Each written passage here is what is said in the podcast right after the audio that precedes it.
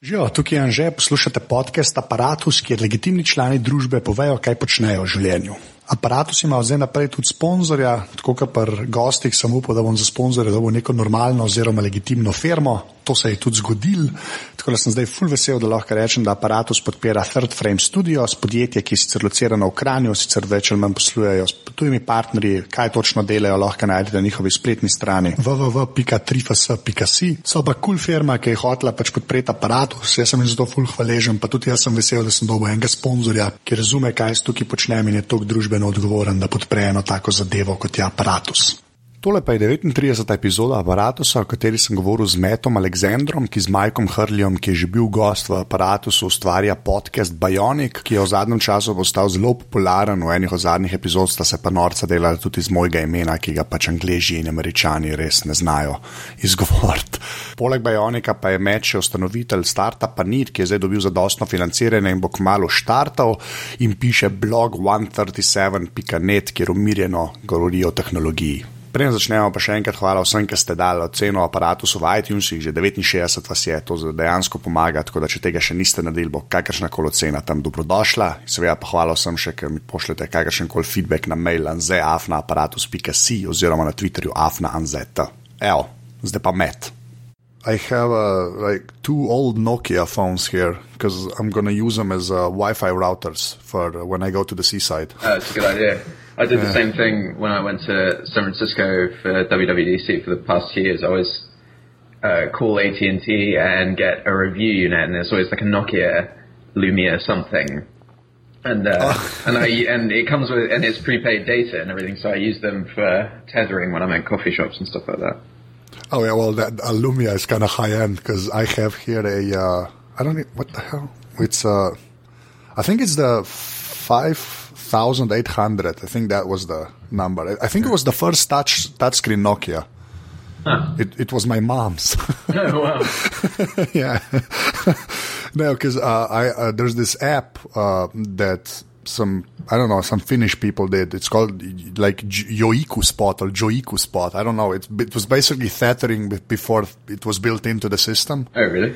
Yeah, so you can ha- you can get that. It's I think it's ten bucks or something, and then just put in because uh, my folks are going to Croatia, so I bought them a, a, data SIM card from Croatia, and then they can they can fill it up themselves. Oh, right. It's yeah, it's a no hassle thing. So they, they they don't call me with you know instructions every two days when it like craps out or something. They they kind of know how to handle it. So sure. And that was making noise, and now it's off. I think. Yes, it's off. So, uh, I don't know. Maybe we already started. I'm never sure. it's up to you. I'll leave it up to you. I've been clicking around and stuff, moving around and stuff, but I'll be quiet when we actually record. Or if okay. this is it, then. Yeah, I think this. Yeah, yeah, I think this is it. Oh, basically. So, uh, you know, my, my first question is always the same, basically, because you know, who are you and what do you do? Okay, um, I'm Matt Alexander.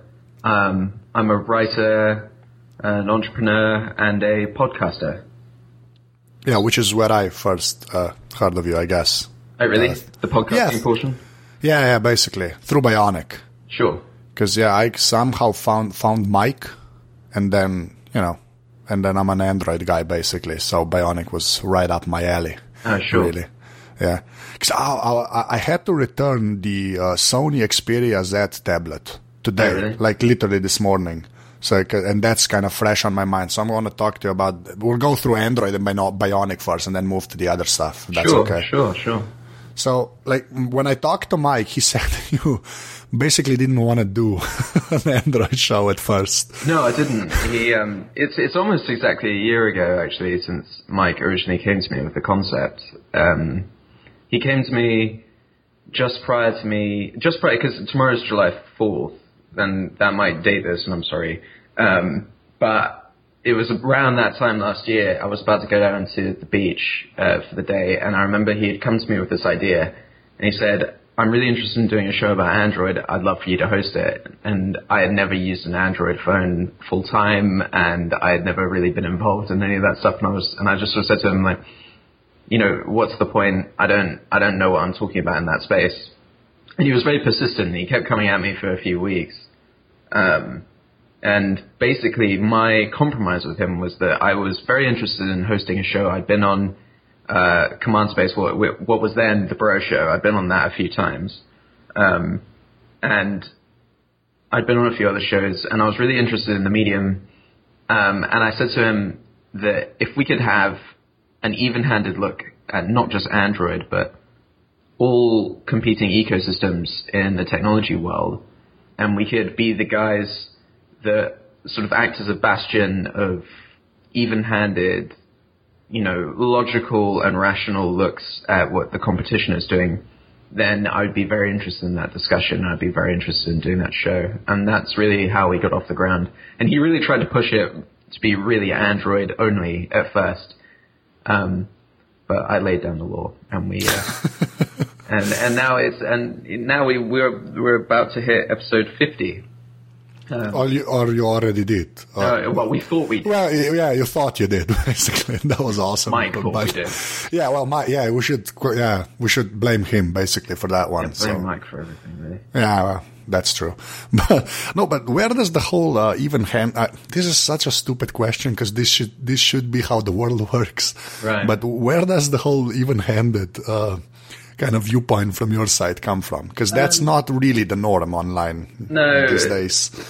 The, the trouble on the internet, um, particularly around certain brands, and even outside the internet, is that people are very tribal in the way they look at the things they purchase and buy into, and it's a defense mechanism for justifying purchasing habits.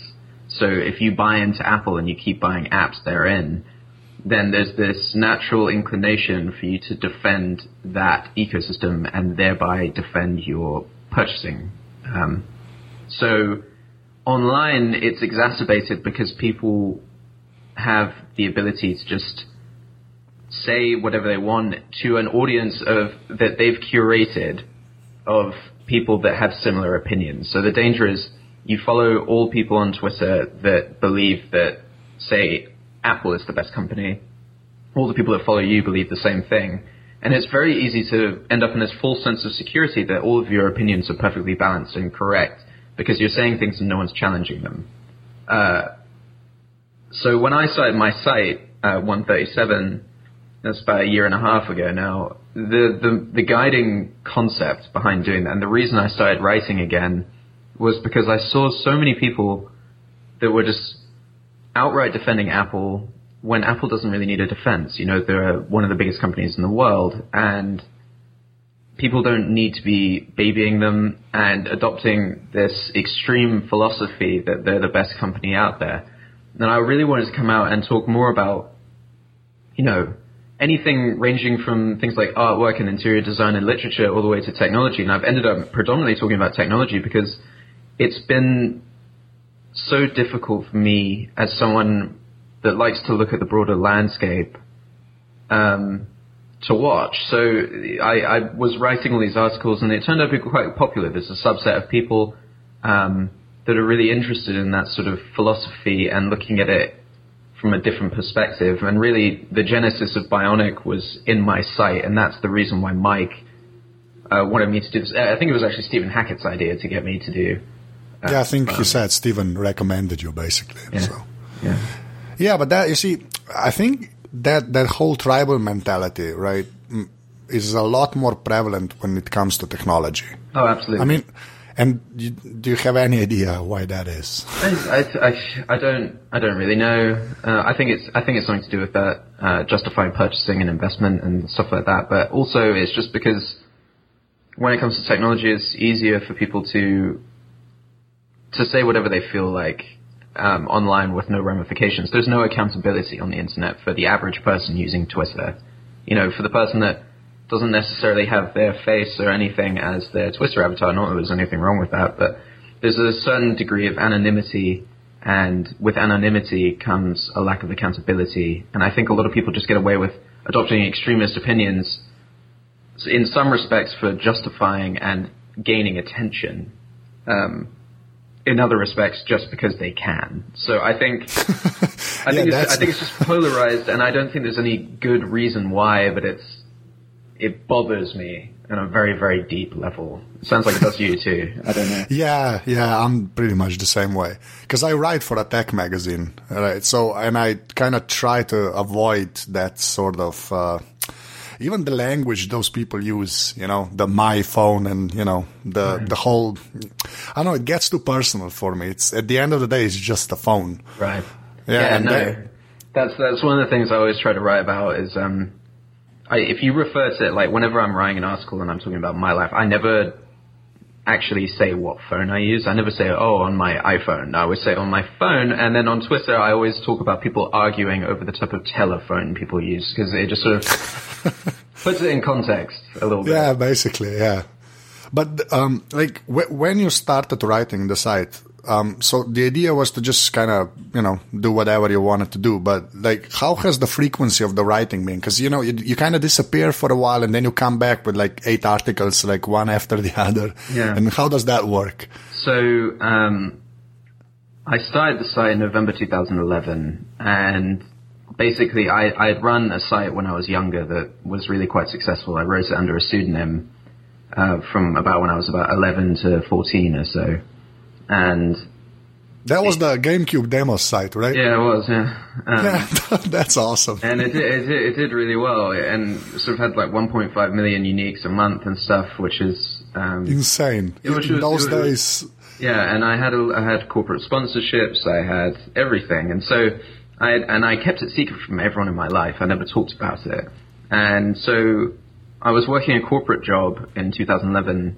Um, and I got this sort of itch to break out into the startup world. And in America, um, I, I, I, studied English literature at university, amongst other things, uh, but that was my focus. And in England and in Europe in general, that is seen as a core subject that's valuable for any number of careers. But in the US, it's seen in a very reductive way as this very constraining, pointless endeavor. So I had this itch to start writing about startups and about technology and about various ecosystems, just purely because I wanted to justify and show that there was a lot more to me than just this degree and that my insight and acumen in the business world was just as astute as what I might have to say about a piece of literature. And so the site started and I was doing it just, I had a corporate job and I was just doing it part time. So the frequency was fairly consistent then because I'd be in an office and I'd have time to write, and it would just, it would fit in with my breaks and my lunchtime and whenever I finished work and things like that. Um, then April last year, I left the company and started my own company, and from about then onward, finding time to just sit down and write it becomes increasingly difficult because I'm always wading through email and whatever else. So more recently, it's basically like the site, the traffic. If you look on a month by month basis since I launched it, has continued to increase every month since I launched it, but the frequency of me posting has dropped off completely since probably last April. So there's been a strong correlation between me writing less and more people reading and subscribing. Um, and basically, I've moved all of my sort of ephemeral, pointless links things that I don't I don't necessarily have the time to write about to Twitter, and that's where I put a lot of my inane commentary and I you know joke around and I'm snarky. But then on the website, I, I, I sometimes there's just something that really weighs on me, and it's like you know I have to write about this. So last week I wrote about uh, change, and that really came out of nowhere. I just woke up on Friday morning, was like really frustrated after my all my arguments with Mike on Bionic about the Xbox One and PS4 and all this stuff, and I just started writing and it came out, and then that ended up being this huge article that ended up, you know, Techmeme and Hacker News and all that sort of stuff, and that's really how it, the site works for me now. Is this? It's just the same as it's always been. It's a personal outlet for my opinions that I really care about, and it's it's a very visceral sense of how I feel about business and the world. But it's turned into this thing where I only go there to use that platform and that mouthpiece when I feel that I really have to, and people seem to respond well to it. I don't know. I mean, how do you feel about it? I don't know. I haven't really spoken to any readers about it, I suppose. I actually like the site because it's one of those. It's in my RSS. Right. So, but when you write, I, I usually just uh, Stadio right away Right, because I know it's going to be long. Yeah, it's which is kind of no. That's not meant as a yeah No, a no, lot no, of adj- you're- you're adjectives. right. yeah, no, I just I just assume that it's going to be a long post, and then I just start it, so it kind of you know it waits for me there because I because everything else it's it's usually shorter. That's why I like also Chris Gonzales's side on Retrofied. That's kind of the thing because I just know it's going to be something a little longer, and it you know it's not the thing you do like uh, with the morning coffee and stuff. You know Yeah, when you just kind of go through stuff. But yeah, I I really enjoy the site. I think that's why I'm talking to you basically because Oh, I like the podcast and the site. So yeah. Very nice. Um, but the, the the next thing I wanted to ask you because um, if we go back to a bi- Bionic, a little, like so. For the past year, I guess you've been following Android a little bit more. I say, ever since you got the Nexus Seven, basically. Yeah, Right. so yeah, we got the Nexus 7 uh, right when I first joined. Oh, right when we first started Bionic, it came out. But so, how, what was your experience with the uh, with the before 4.0? You know, before the Android 4.0 versions of the operating system. Uh, fleeting. I'd, Yeah. I'd had samples. I at the time, it was when I was really sort of focused on potentially trying to turn 137 into more of a full-time endeavor, and I had sponsorships with AT&T and things like that. So I was getting sent phones, um, but they were underwhelming at best Yeah. for me. I mean, it, they, they were. I mean, they were interesting, um, and there wasn't necessarily anything really wrong with them, and I wouldn't judge anyone for using one, but it was just in comparison to iOS at the time, for my use case scenario, they didn't really match up completely. No, It's, well, well, much different now, you know. Yeah, but not that there. I don't think there was a use case scenario where they would match up because Right.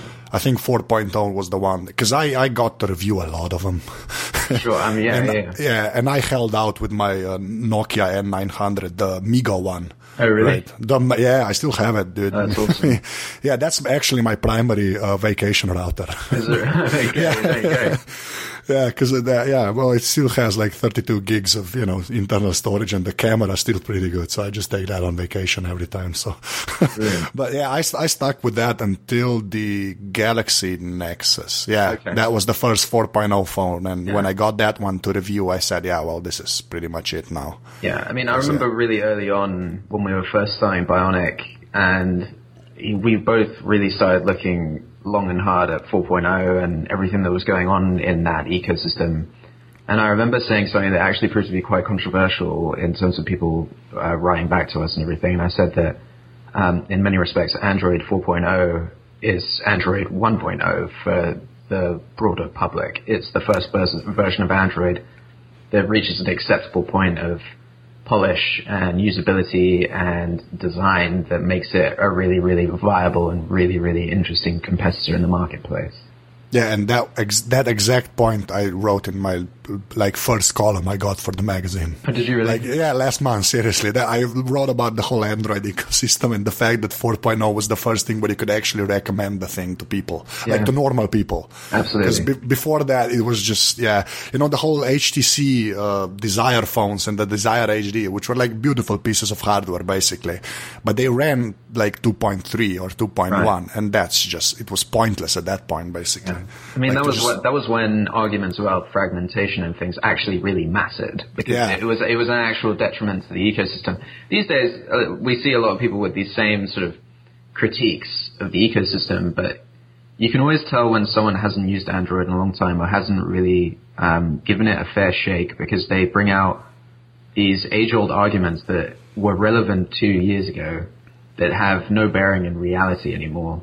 Um, and that's Yeah. that's really what the show's all about. And it sounds like you're on the same page too.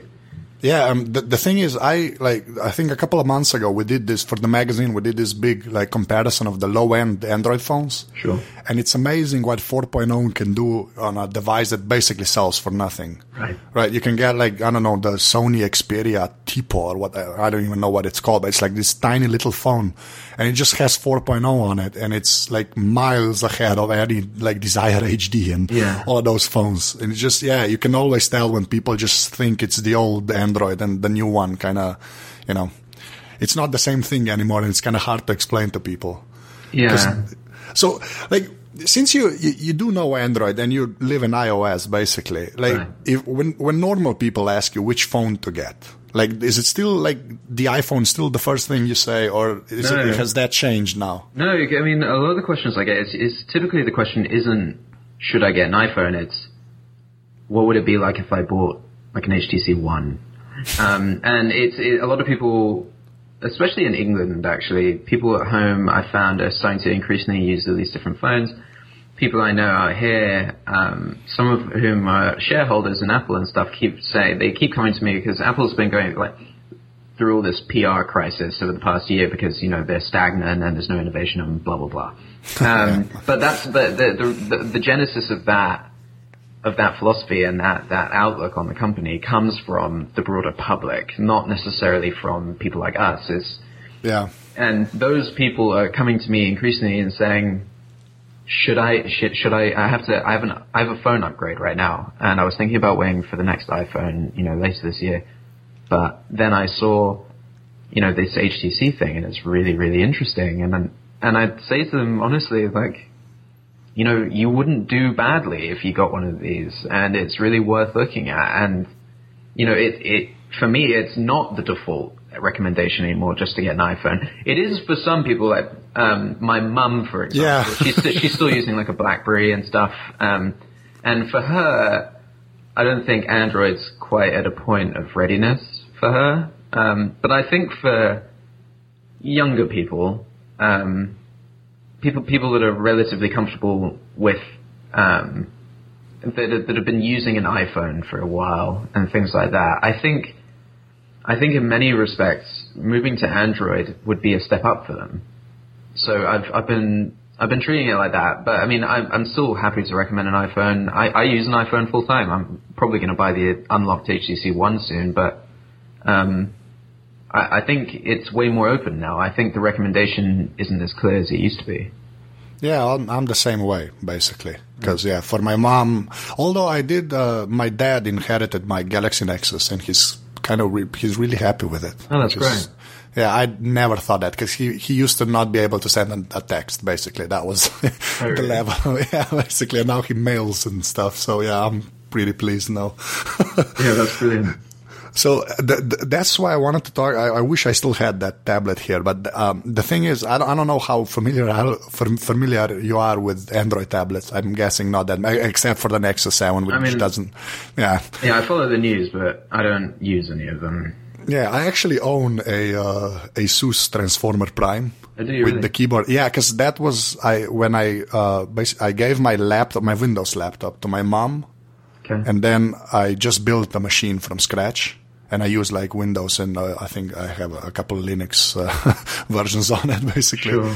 But um, so I needed something portable, and when I saw the battery life of the Prime with the keyboard dock, that was it basically. Because I ride a lot, like when I go for the weekend, I have to ride. So, and I just got tired of carrying like a heavy laptop, and that thing is just so small and it has like an 18 hour. I don't even know like how long really? the battery. I- I didn't See, know that. Yeah, because there's two batteries. There's one in the tablet, and then there's one in the dock. Uh, So it's it's insane. I mean, and it costs pretty much the same as an iPad. And, But yeah, but you know the keyboard makes more sense because it's kind of closed. It's like a clamshell. It basically looks like a little laptop. Yeah. So yeah, it just that was the only reason I bought it. It's it's kind of slow and stuff. So that, I've I actually u- been using that, and then like last week I got that uh, Sony uh, Z tablet, okay, yeah. and that thing is pretty damn awesome. Oh, really? I saw, I saw The Verge gave it quite a high review. Yeah, I think that's the like like 4.0, like the that Sony tablet is the first Android tablet that I'd actually recommend to people. Well, the, And- the real thing, uh, I th- and this is obviously very cosmetic, but Yeah. the Sony tablets look really good. Oh, lo- lo- I think the Xperia Z, the phone, and the ta- they're the best looking hardware right now. Yeah, I mean, uh, for me, it trumps the HTC One as far as I'm concerned. But Yeah, that, do it's a mistake. Yeah, because I've it's, held. it's not in America yet. oh, it's even the phone or Oh, it's about to be on Oh, like, okay. T- on T-Mobile, I think. But Yeah, it's this. Sony has this understatement in their design, and then they just kind of started with that whole silver button. The on-off button is silver and big. Okay. I don't know if you saw that, and it's ah man, it looks sexy as hell yeah, and the tablet is basically just like the, the phone but bigger. It kind of has that '80s vibe but modern. I don't know really how to explain it. But the the thing is, it runs really really fast and smooth, and like it's everything Android should have been on a tablet like three years ago, Yeah. and it wasn't. Right. And this one actually works, and it's the first. So I'm, I, see. You, you should get one, like I'm- just to I'm- test out. Yeah, you I two should talk about it like as soon as possible because I think because it's the same thing. You know, when you use the Nexus Seven and it wasn't awful, basically. Right. Yeah, it's the same with this one. It just it's it works. It kind of gets out of your way, and when you run Chrome and the tab sync and all of that stuff, it's awesome, basically. Right, right. But yeah, so I don't know. That that was my portion of the. Oh, sure. Yeah, I really wanted to kind of mention that because I just had it and it's kind of fresh. You know, I'm writing the review as we like before we started talking. I was in the middle of it, basically. That's interesting. I'm definitely keen to try out. Um, it, I mean, it looks great and everything, so I'm I'm excited to read your review and everything. If it's online, if it's in English. Yeah, that, I'm, I haven't translated anything. I, I, I'm thinking about the columns. I'm gonna write now because I'm gonna do that once a month. I hope. So maybe I'll I'll translate those. Yeah, that'd I'll have the time. Yeah, basically. Be great And and another 70 decibels fact. I got the 70 decibels shirt around the same time. Uh, they told me I could have the column, and you have to take a picture for the column. And it's not just like a like a face picture, you know, the whole like a passport thing next Right. to the column. I actually stand next to the text in the magazine, and I wore the 70 decibel shirt. That's awesome. Yeah, I'll send you. I'll tweet you a pic, and Mike, you'll see. Yeah, I just got the yeah, I got the magazine a couple of days ago, and it's hilarious. I love I love that. We we were just uh, Mike, uh, Stephen Hackett, and I were just out in San Francisco. Uh, Mike Schechter was there as well, and um, it, it was hilarious because we'd be walking around um, just the general vicinity of WWDC, and we'd just come across people wearing 70 decibel shirts, um, and it was the most amazing feeling.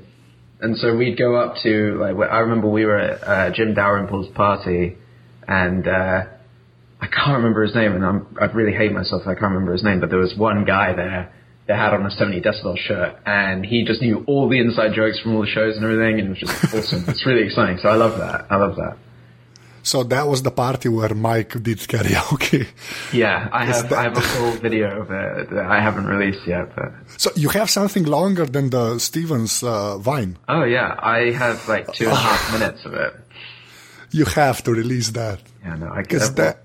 Well, you have to. That's uh, Yeah, I don't know. I was I was right at the front, exactly where Stephen was. We were all standing in the crowd. It was it was me, uh, Stephen, the team from Studio Neat, and a bunch of the guys from The Verge. And you can see when I'm filming it that I keep turning around to talk to these guys, and I freak out that Mike is singing at the top of his lungs. And so the camera keeps turning and going right into Stephen's face. So it's it's a great video. It's a great video.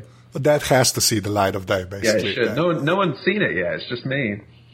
Ah, you, you see, you're holding a treasure there. Basically, that's all awesome. So we have to talk about the whole dynamic of you and Mike on Bionic because um, I did radio for a long time, and that that's kind of rare.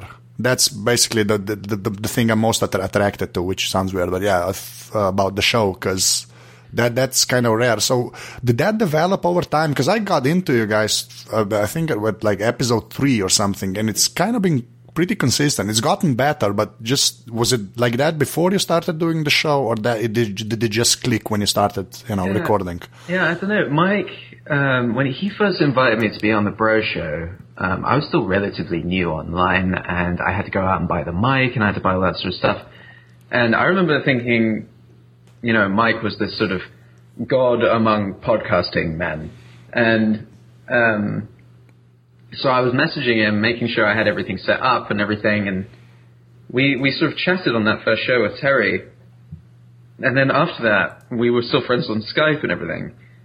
And we just kept occasionally chatting about the news and everything, and we really got on, and we just sort of stayed in touch quite frequently after that. And then, um, when it came time to do the show, I was really nervous about it because, you know, it was launching this thing that I hadn't been so sure about at first, and then I'd sort of manipulated it into my vision of what it should be, and so I had a lot of ownership and accountability over it, and so in probably episode one and two, I, I remember episode one, I rarely spoke at all, um, but it really sort of congealed into this really, really fun environment, and he and I met in person. I think right around when it launched.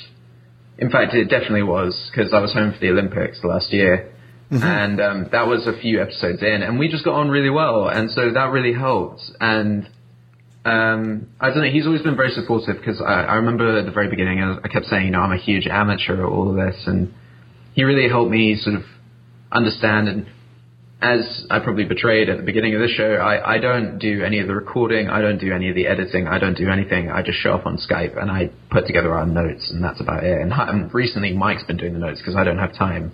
Um, so I don't know. We just have we have a fun relationship. Um, all those guys at 70 decibels, we all get on really well. Um, it's like we've known each other for years. So we have the latitude to yell at each other on the show and disagree, and then also joke around about tearaway trousers and sexy cruises and whatever else.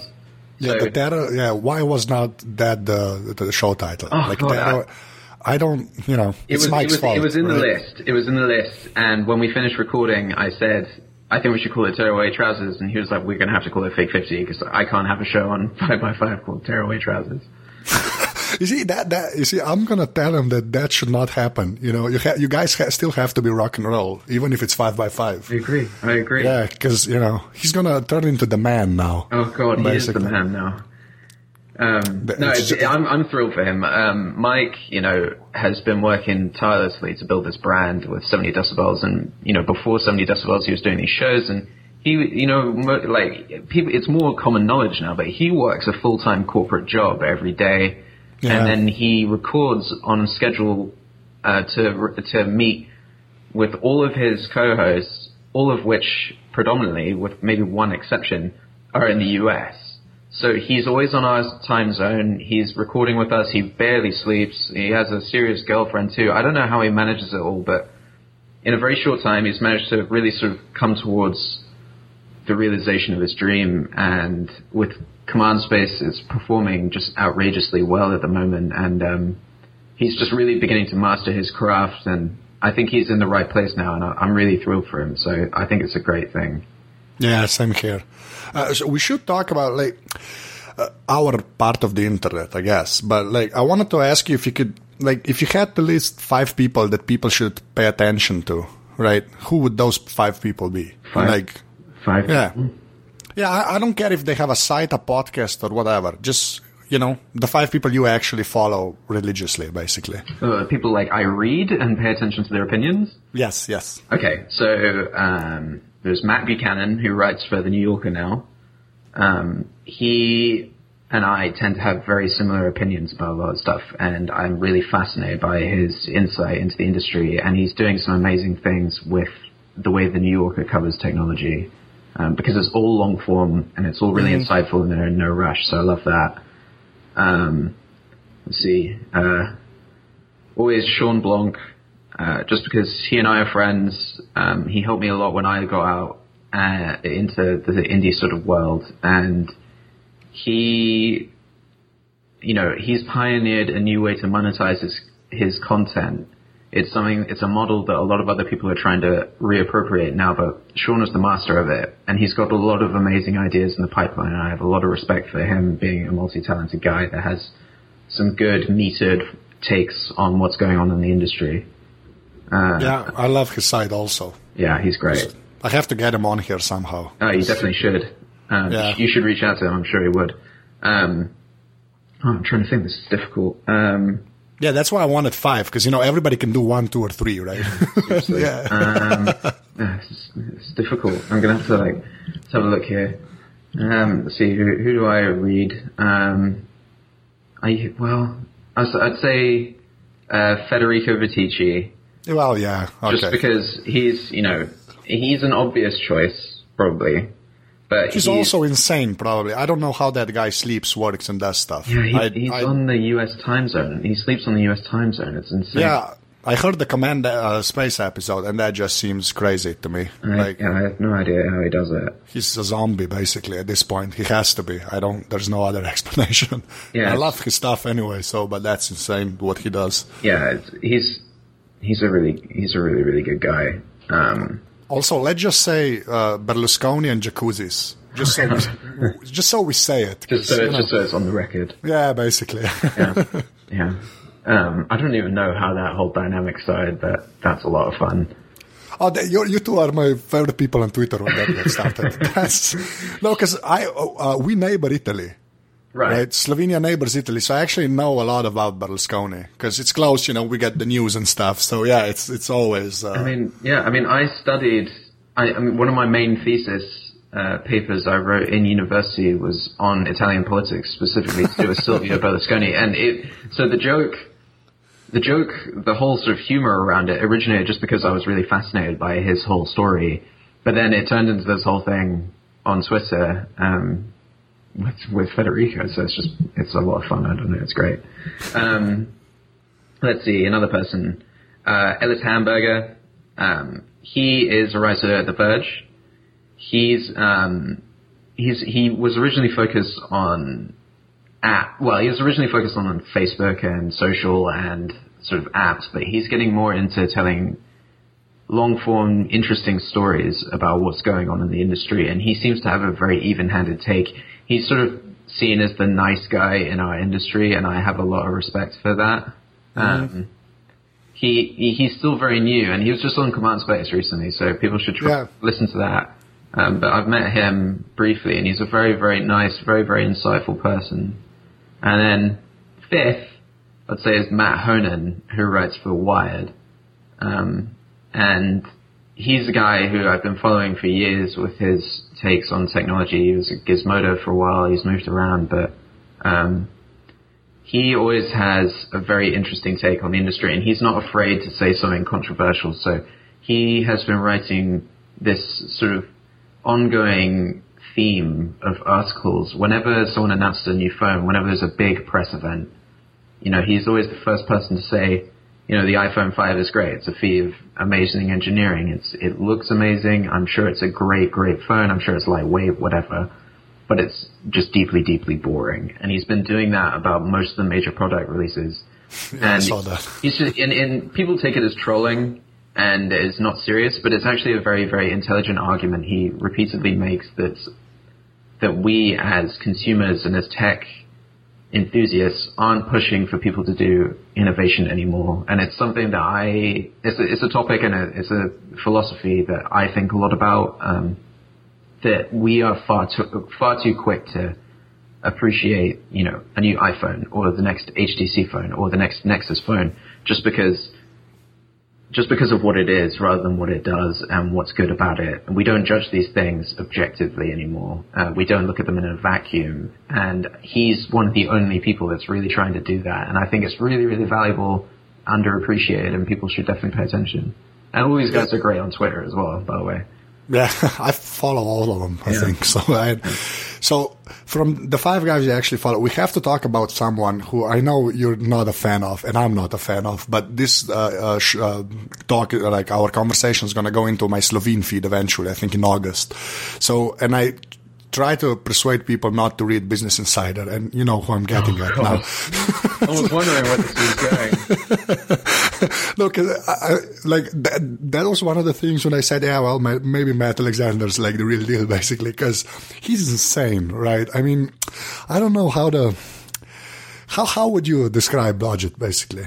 Like, um, he's he's our generation's greatest philosopher, and his writings will be reflected on by future generations and studied in uh, in by academics. So. Yeah, but the thing is, you see, that's what I wanted to talk to you about because when, when, when we talked about your side, right, you do this whole measured approach with the long form stuff and you kind of read the same guys. And then he's like the anti all of that. Oh, yeah. And I don't like where do you think that comes from? What, that whole model of page view stuff? Because the the thing that struck me the most was when I uh, I think Dan Frommer or Frommer I never know how, how to pronounce his last name. Uh, he, he's the guy that does SplatF. Do you know him? Yeah, no, he's one of my he's he was a very close contender for my top five. Yeah, well, you see, he started Business Insider, right? Right. And I don't, I don't understand that. That that breaks my brain every well, so time. I don't. It, it was different though.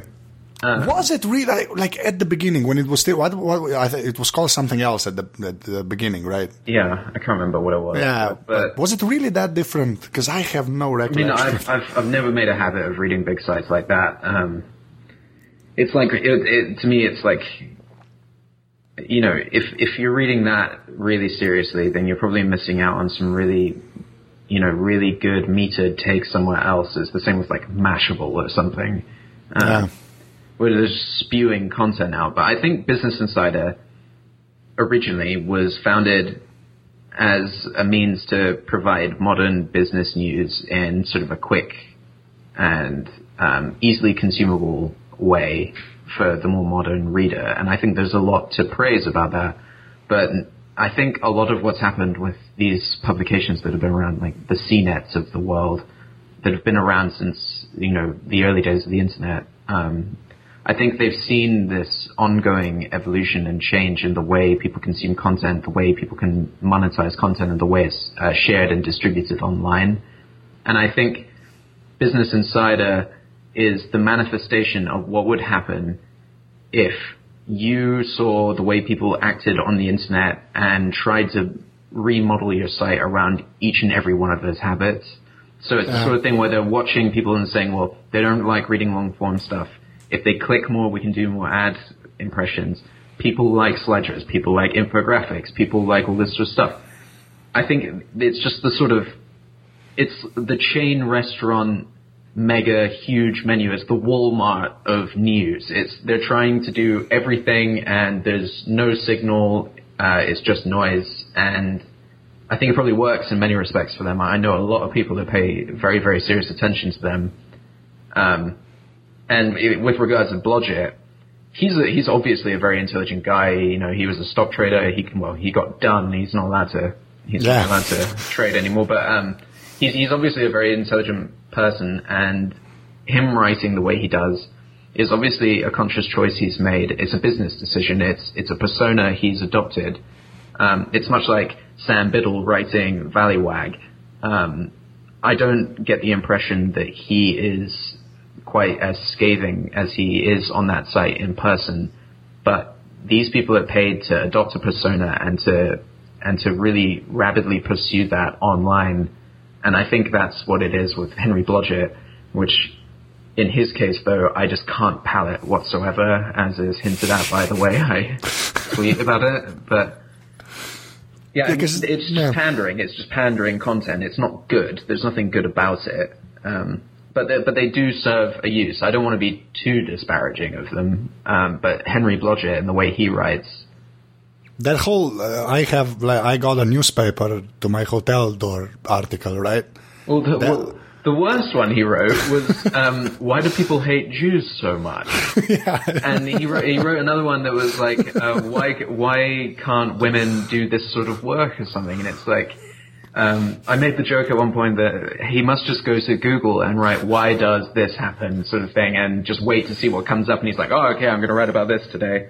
and it's just it's just insane. Everything like you know who has a great if if anyone needs to catch up on uh, the pontifications of Henry Blodget, uh, Gawker.com has this great backlog of looking very very deeply into what what on earth he's talking about. and, uh, yeah. I'll find that link. I'll find it and like put it into the show notes if I do. Yeah.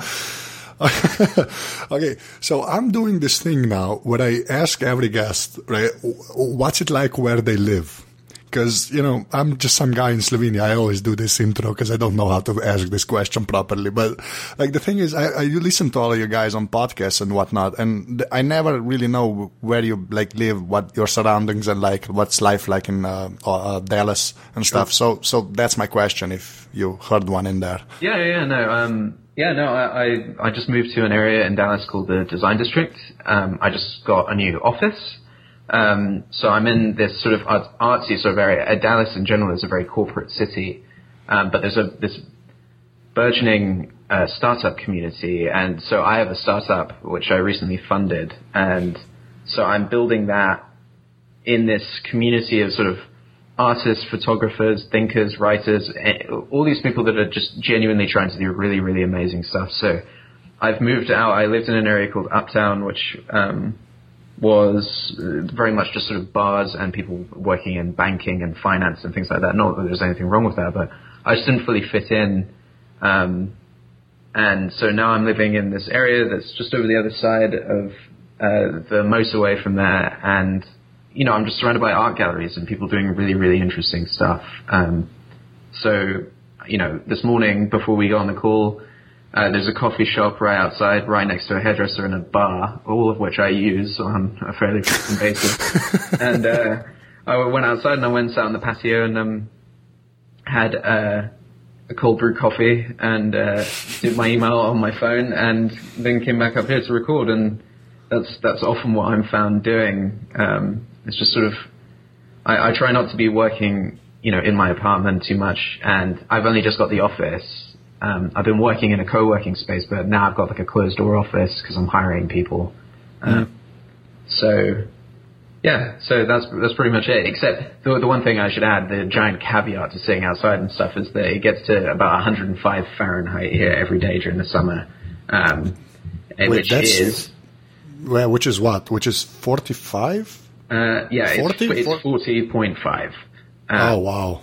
You know, sort of it, when like last, I had some friends of mine from England come to visit a few years ago, and I w- it was when I was still in my corporate job, and they went out during the day to go get uh, groceries. So they went to the supermarket, they walked, and it was, and they literally called me and they were like, "Can you come pick us up? We are stranded at the supermarket. We cannot walk back with all this stuff. We will literally die," sort of thing and and I had uh, like two or three hours left in my workday. I was like, I, I can't, I can't come right now. Like, can you get a cab or something? They're like, no, we'll wait. And they literally sat in the supermarket for the entire oh, wow. time because they didn't want to walk home for like it was only like a mile. And uh, but yeah, so it's it just gets ridiculous here. So that's where I am. I'm involved in this new startup community here, which is really really fun, really really healthy. Um, just well, lots of really we, good stuff. Yeah, we should talk about need yeah, so, we should. So what what is it? Like, what's your pitch, basically? pitch. So, I, I, mean, we're not giving away too much at the moment. We're still yeah. a few months away from launch, but um, our venture partners in Germany wanted to announce that you know they're involved and names of the names of people that have um, that have joined my board and things like that. So basically, on a very high level, Need is a hybrid between a magazine and a men's retailer. So it's all about curating and finding the very best um, products, whether they're limited edition or custom made or co-branded with us, or they're things that guys just don't have the time to find, and selling them, uh, mixing it together with some really interesting editorial and photography, um, and localizing it to where you are in the world and defining the tone based upon the creative communities and the writers and the photographers in your portion of the world.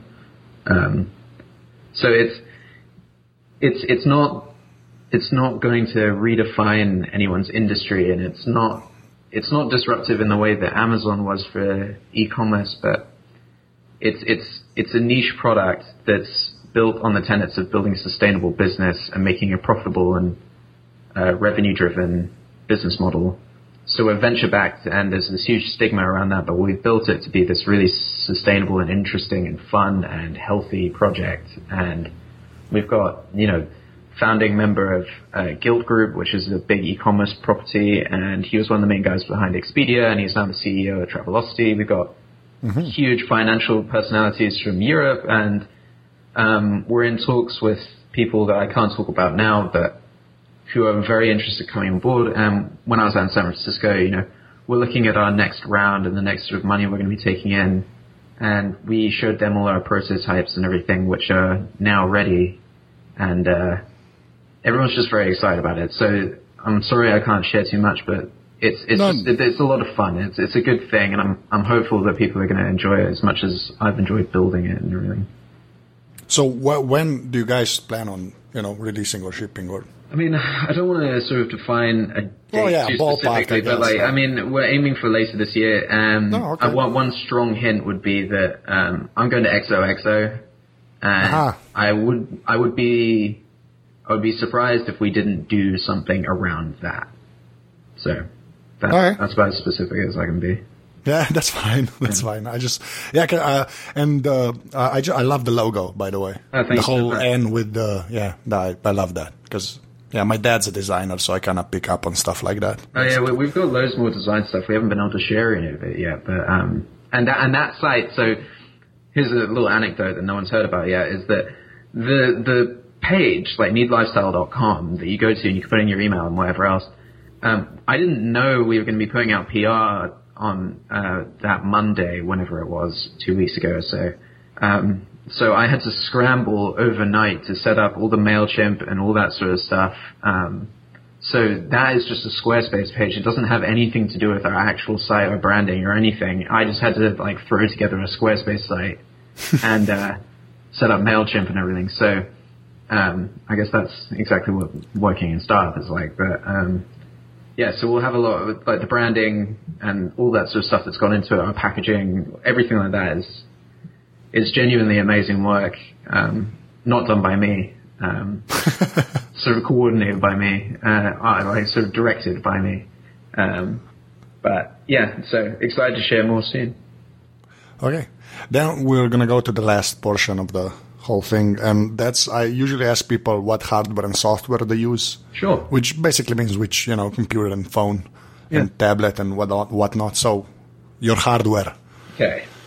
Uh, I have an 11-inch mid 2012 MacBook Air, um, which is connected currently via Thunderbolt to a 27-inch Thunderbolt display. Um, oh. You actually sprung for the. Oh yeah, you wrote about that because you didn't want to get the monoprice stuff. Yeah, right? yeah, you know, Shawn Blanc and I, off off, you know, the public platform, we're going back and forth about this because he was a big believer in just going for the cheap option and waiting for a Retina one, and I kept saying, you know, I can't, I just can't bring myself to do it. You know, I'll save money, but I just can't do it. You know, yeah, I actually remember you writing that if you bought a Dell or a Monoprice, you'd just be thinking the whole time, why does it have that logo? Yeah, it would just, it would just, it would just bother me, and you know, and I get it, and like the amount of times I had one of the Monoprice ones or a Dell one in my cart, and I was ready to check out was, it was just innumerable. This was going on for like a year, and it, and like I just couldn't bring myself to do it, and then I finally, um, it was actually one of my investors came by my office, and he was like he saw my laptop, and I have the 11 inch just because I travel a lot. Um, mm. And it, at the time, I had a 15 inch Pro and a third generation iPad, and they were just kind of like, "Why do you have all this?" He-? Well, that back then it was too heavy. So my investor came by and I have this 11 inch, which kind of overcompensated for lightweightness, and. Uh, he was like, "Why? Why do you have such like a small computer here? How can you get any work done?" I was like, "I get plenty done." And he was like, you have to go get a monitor and blah, blah, blah. So I went out, I went out and bought this and that was enough of a push uh, that I felt justified in buying it. So, um, yeah, so I have that and then, uh, iPhone 5, uh, 16 gig, um, which is now running against all you, you, didn't. You actually, I you did. actually installed it. Oh I wow! I did, and I did, and it, I, I did because what happened was um, the lock button broke on it, and so I had to go to the Apple Store and they just gave me a brand new one. And I never restore from iCloud or anything like that because iCloud is a nightmarish yeah. hellscape. And so, um, and I back up everything to Dropbox in terms of photos and everything, so I really don't care. So it was fresh and it was just completely empty and you can downgrade to iOS 6 and I was like, you know, I'm going to do it. And I've had it on there since, I guess it was, um, Monday night. And so I've had three days or so and it's been great. I, it's been working fine. Although it does seem to send text more than once to some people, uh-huh. which is troublesome. But um, otherwise, it's been fine. Uh, and then I also, and then also, being the idiot that I am, I have iOS 7 also installed on my iPad Mini. Uh, That's insane. Which is an LTE uh, iPad Mini. Uh, so you're a brave man. yeah, so I'm I'm all Apple stuff. Um, both of all the iOS devices I have are running iOS 7, which is insane. Um, yeah, I probably, it won't stay like that. Um, on the iPad, it's awful. Uh, yeah, I, I, bet it is because they didn't even mention it in the keynotes. yeah, I actually I actually ran into an Apple engineer at a bar um, in San Francisco soon after the keynote, and I said, you know, what's happening with um, you know iOS 7 for iPad? Is it going to be on time? And he was like, hell no. You know, they, all they've managed to do so far is get it to compile, and uh-huh. and now it's out. Um, but I, I, I, don't know if it'll ship on time. We'll see, I guess. Wow, that's yeah. Yeah, and then outside of that, the only the only other thing that's like immediately around me that I, I can I carry around is um I have a Sony NEX6 camera which I got recently uh, for the business, um, and uh, that's about it, really. I, don't- I don't carry too much. I never carry my iPad with me. I carry um, physical pen and paper, um, and then yeah. So that's a, that's about it, really, in terms of like primary hardware I have. All right. Then the software. This is my question. Like the apps you actually use. You can just like five or ten that you act, not the you know flavor of the month stuff. The stuff Okay. that you actually use. Okay, so uh, probably the biggest change I've had recently is that I've been a diehard uh, Sparrow user. Uh, I've been acting as if it didn't die and whatever else. um, but recently I've moved to Airmail, which is a newer Mac app for email, um, which is really it's it's it completely rips off Sparrow's design, but it carries it further and it's more modern functionality and is actually being actively improved upon. And I'm really excited about it. So I'm using that. Um, I use, I, I live in that Tweetbot for Mac and um, Instacast for Mac. Um, I rarely use, you know, everyone's really focused on these apps for iOS, but I, um, I, I just, I just don't, I don't use my phone as much as I use my Mac. I get more work done on my Mac than I could ever on an iPad or an iPhone. Um, I do most of my writing in IA Writer. Um, I listen to music in Rdio. I have OmniFocus on all of my devices, but I hate it passionately. yeah, I've never gotten I, I, I, I that. keep I keep uninstalling it and then trying out things again. I'm like, oh god, I have to go back to OmniFocus, and then but it doesn't do anything, and I actively don't use to-do lists. That's the best OmniFocus tagline ever. It doesn't do anything. Yeah, no, it's not. It literally sits there, and it makes me feel better that it's in my dock or it's on like my home screen, and like. It's it's there, and I feel like, oh, look at all the productivity I have and my workflows and whatever else. Like Michael Schechter would kill me right now because he, he he keeps he he wants me to like help out writing for their new stuff, which is awesome, workflowing. Um, but I just I hate everything to do with productivity and all these productivity hacks and everything. I think it's a bunch of nonsense.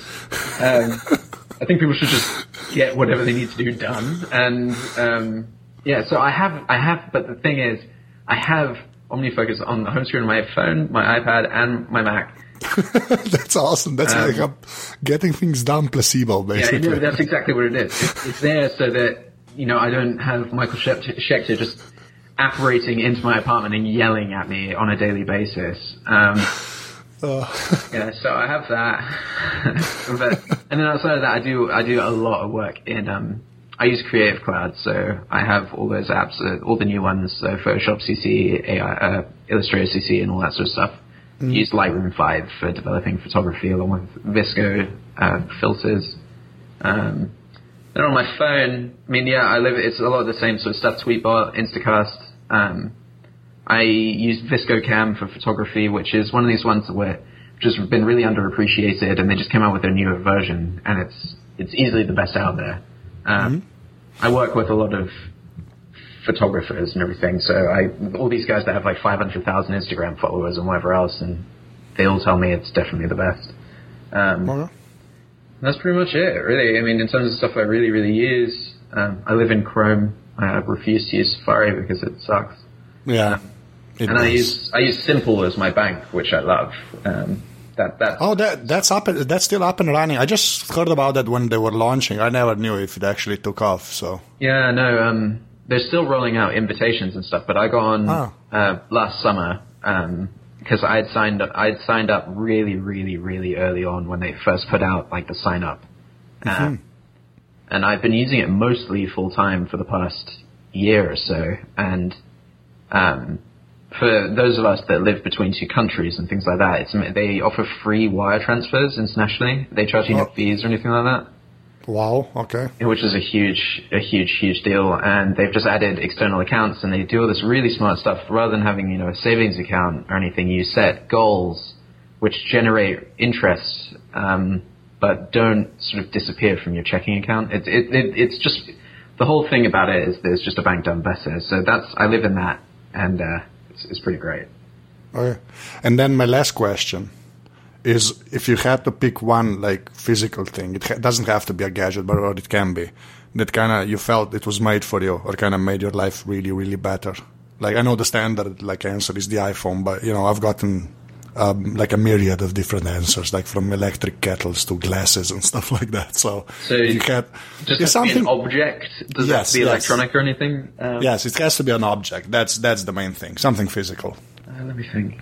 Uh, I have I have this really really I have this really really nice notebook that I always carry around, and I don't always write physical notes, um, but it's one of those things um, that serves as a very nice um, reminder of the importance of keeping tangible, physical, and um, you know actionable notes and uh, to-do lists and just thoughts about business and everything. So, you know, when I had the original idea for Need, I was walking around London with Mike actually, and I, I'd already had the idea, and I just sort of pitched Mike on it, and he was sort of blown away by the full, full, full concept that I haven't shared yet.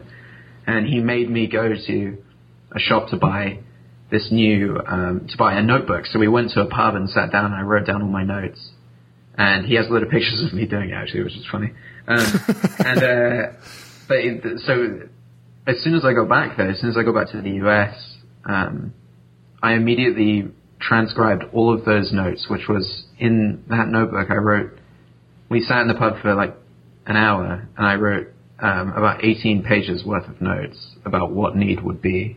Um, Nice. and I had the name right from there and everything, and I put it all into this notebook, and so I carry it with me at all times, and it's made with really soft leather. It's, it's made from by like a really posh brand. It was a gift, um, so I won't go into that. But like, I, I, I just in a in a very general, high level sense, I'd say that a nice notebook carried around with me at all times is uh, one of the most important things.